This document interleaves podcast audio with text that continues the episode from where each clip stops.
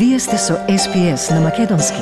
Слушнете повеќе прилози на sps.com.au козацрта на Седонин. Австралијецот со турско потекло Делил Александар ја доби својата жалба против одлуката на поранешната министерка за внатрешни работи Карен Енјус минатата година да му го одземе државјанството, откако беше обвинет за приклучување кон терористичката организација ISIS. За ова никогаш не бил осуден пред австралискиот суд. Според адвокатот на господин Александар Осман Самин, конкретното законодавство, познато како дел 36Б, било широко и сеопфатно. Тоа е радикална сила без преседан во австралиската правна историја, вели адвокатот Самин, и во суштина му дозволи на министерот да воспостави собствен паралелен систем на кривична правда и казнување во која би можеле да е наметнат најстрогата казна, а тоа е протерување. It is a radical power with no precedent in Australian legal history. It essentially allowed the minister to set up their own parallel uh, system of criminal justice and punishment um, in which they could impose um, the most severe punishment, and that is banishment. Вчера, среда 8 јуни, мнозинството од Високиот суд одлучи дека тие овластувања се неважечки, бидејќи и дозволиле на министерката да навлезе во ексклузивната функција на судот да суди и да казнува кривична вина. Тоа значи дека дел од законодавството е укинато, а државјанството на господин Александар е вратено.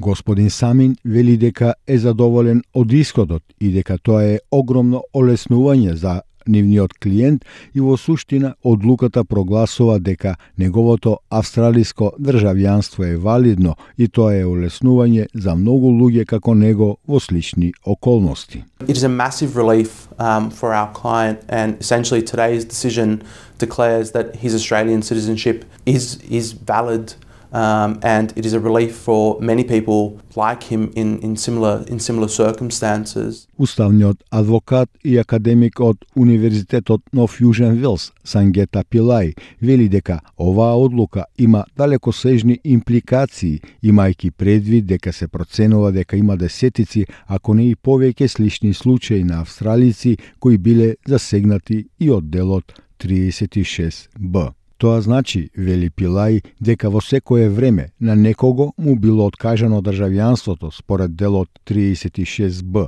Таа одредба сега ја нема, таа е невалидна, предпоставуваме дека никогаш не е направена. Така, секој што го изгубил државјанството според оваа одредба го добива назад. Не само господин Александар, туку било кој. So, what that means is that any time someone's had their citizenship cancelled under Section 36B, because that provision is gone now, it's invalid. It's like it was never allowed to be made, so we assume that it was never made. So, anyone that's lost their citizenship under this provision gets it back, not just Mr. Alexander, anybody.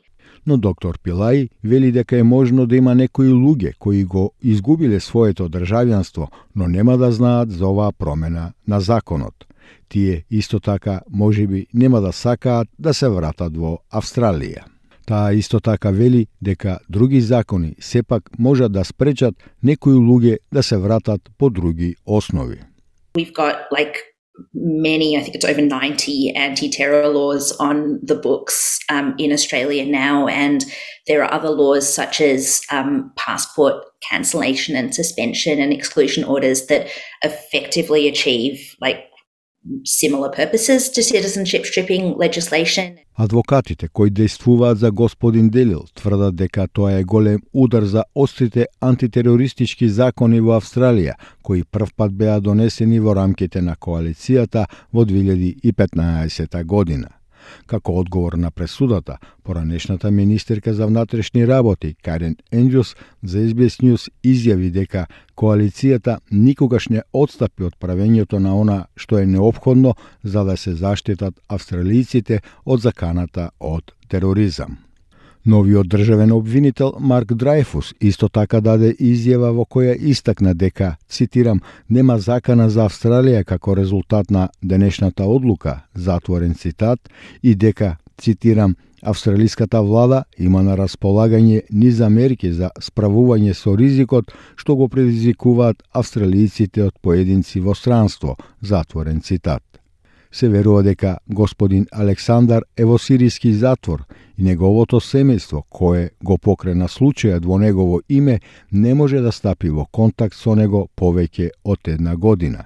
Господин Самин објаснува дека господин Александар е преместен во затвор во Дамаск, затвор познат построгиот режим, екстремни казни, па дури и смрт, и всушност затворениците немаат комуникација со надворешниот свет, нивните семејства или дури и домашни правни застапници. Essentially, upon Mr. Alexander's citizenship being revoked, he was then moved to a prison in Damascus known as Far Philistine. It is unfortunately a prison which is notoriously known for um, torture, extreme punishment, and even death. And in fact, inmates there have no communication with the outside world, um, their families, or even domestic legal representatives. Господин Самин и семејството сега поднесоа барање до новиот министер за внатрешни работи за обнова на конзуларната помош. Стиснете, ми се допаѓа, споделете, коментирајте. Следете ја SPS на Македонски на Facebook.